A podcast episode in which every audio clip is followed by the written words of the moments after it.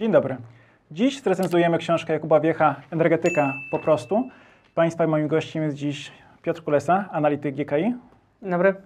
Autor omawianej książki jest prawnikiem, specjalistą do spraw energetyki, redaktorem naczelnym portalu energetyka24.pl i jak mówi, to jak będziemy żyć za kilka lat zależy w dużym stopniu od energetyki. E, Piotrze, czy ta książka spełniła mm, pokładane w niej nadzieje? Czy to jest dobra książka? Czy to jest to, czego się spodziewałeś? Nie było to to, czego się spodziewałem. I głównie to była książka o historii e, rozwoju różnych technologii, e, przez które się wytwarza energię. Mm, A nie było tam nic o powiedzmy perspektywach opłacalności poszczególnych źródeł, tego jakie są rozwiązania na ten moment, jakie są plusy i minusy rozwiązań leżących na stole, tylko powiedzmy była to książka o tym, dlaczego energia atomowa jest bezpieczna i powinniśmy się na nią zdecydować, choć nie było to powiedziane wprost. Kiedy podzieliłeś się mm, swoją refleksją, że to faktycznie jest taka książka proatomowa, to stwierdziłem, w sumie jest coś na rzeczy, faktycznie. Konstrukcja takiej książki jest następująca. Każda, każdy sposób wytwarzania energii, czy atom, czy elektrownia wodna, czy elektrownia węglowa jest omówiony od początku historycznie, jak to się zaczęło, jaki jest mechanizm w ogóle funkcjonowania e, tych elektrowni. No i można dojść do wniosku, że faktycznie atom e, to najlepsze wyjście i wiemy e, z innych e, materiałów autorstwa Jakuba Wiecha, między innymi z podcastów, że on jest faktycznie orędownikiem e, budowy w Polsce tego typu e, elektrowni. Natomiast e, ja się czuję tutaj zdecydowanie niezaspokojony, e, bo nie ma odpowiedzi na pytania z okładki. Mianowicie rosnące ceny paliw, e, prądu i gazu. e, To jest e, powiązanie z wojną w Ukrainie. Czy powinniśmy się bać ele- elektrowni jądrowych? To jest odpowiedziane. Czy musimy płacić coraz wyższe rachunki?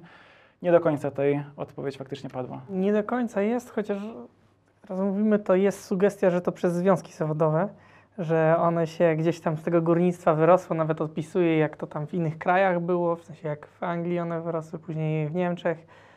I dlaczego w Polsce ta budowana już elektrownia jądrowa w Żarnowcu nigdy nie została dokończona, właśnie bo co ciekawe, on uważa, że to związki zawodowe właśnie górnicze ją ubiły, że tak powiem, czyli za, zakończyły tą budowę w czasach y, rządu Tadeusza Mazowieckiego. No ale nie, nie mówi wprost, tak? Nie mówi, jakie są koszty poszczególnych źródeł i z czego ma wynikać tam, mają wynik, wynikać te wyższe rachunki za prąd. To, czego się dowiedzieliśmy, to innymi katastrofy elektrowni wodnych. Bo tutaj e, autor e, opisuje zdarzenie, o którym ja na przykład nie słyszałem, e, czyli historia Dnieprzańskiej Elektrowni Wodnej, czyli e, historia z 1941 roku, kiedy to Sowieci zdecydowali o wysadzeniu elektrowni, aby powstrzymać e, wojska hitlerowskie. To się udało, no, delikatnie mówiąc, połowicznie, bo 1500 niemieckich żołnierzy faktycznie zginęło, ale jednocześnie skazano na śmierć 100 tysięcy ludzi, bo tyle ofiar pochłonęła ta, ta katastrofa. W Chinach też był podobny problem. No tego nie wiedzieliśmy, prawda, że takie katastrofy tak, tak. się zdarzają, ale... I że, na, I że tak dużo ofiar jest przy tych katastrofach, tak? No to, to myślę, że jest jeszcze istotniejsze. Tak? Mamy tutaj zestawienie z e, elektrowniami jądrowymi, które wbrew e, temu, co niektórym się może wydawać, wcale nie są niebezpieczne. Tak, y, generalnie w całej historii istnienia energetyki jądrowej to autor, nie pamiętam teraz dokładnej liczby, ale jest to około 50 osób, które zginęły przy wytwarzaniu e, prądu z e, atomu. W porównaniu do choćby tutaj jednej katastrofy, która 100 tysięcy miała ofiar e, w elektrowni wodnej, gdzie to źródło jest uznawane za bardzo bezpieczne. Sobie.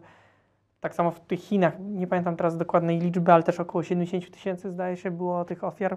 Przy pęknięciu to już było pęknięcie takie przypadkowe, powiedzmy nie, że ktoś wysadził, tylko przypadkowe pęknięcie. Po wielu tygodniach deszczy mm, nie chciano spuścić więcej wody, e, bo nie chciano zrobić takiej kontrolowanej powodzi, no i się zrobiła niekontrolowana powódź i było właśnie kilkadziesiąt tysięcy ofiar bezpośrednich, plus później jeszcze tych pośrednich, bo tam pisze, on pisze o tych e, zarazach i głodzie, który później nastąpił.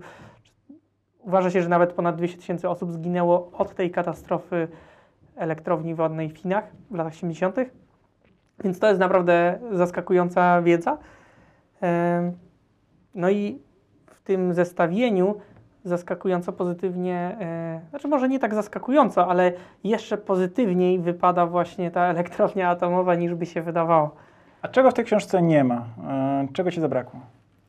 No właśnie zabrakło mi informacji o tym, e, jakie generalnie są opcje i dlaczego właśnie powinniśmy inwestować w tą ener- energię atomową, tylko jest cały czas tak sugerowane, że to jest tak bezpieczne, te inne są niebezpieczne, nie ma informacji ile co według jakichś tam wyliczeń kosztuje, jaka jest stabilność, jakby nawet nie jest wprost powiedziane, dlaczego nie możemy wstawiać samy, samych paneli fotowoltaicznych, tak?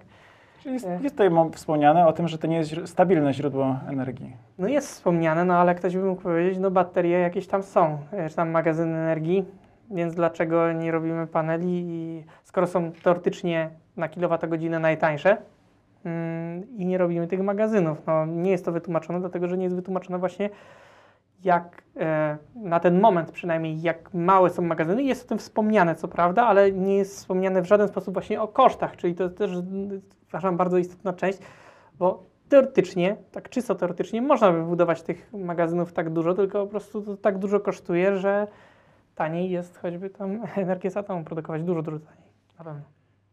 Kończąc, ocena ostateczna mm, od 1 do 10. Czy ta książka jest warta polecenia? Jest warta polecenia wszystkim osobom, które się boją energii atomowej. I dla tych osób to jest 10 na 10. Dla osób, które chcą dowiedzieć się, jakie są opcje wytwarzania energii i dlaczego jedno, a nie drugie, to myślę, że tam 3.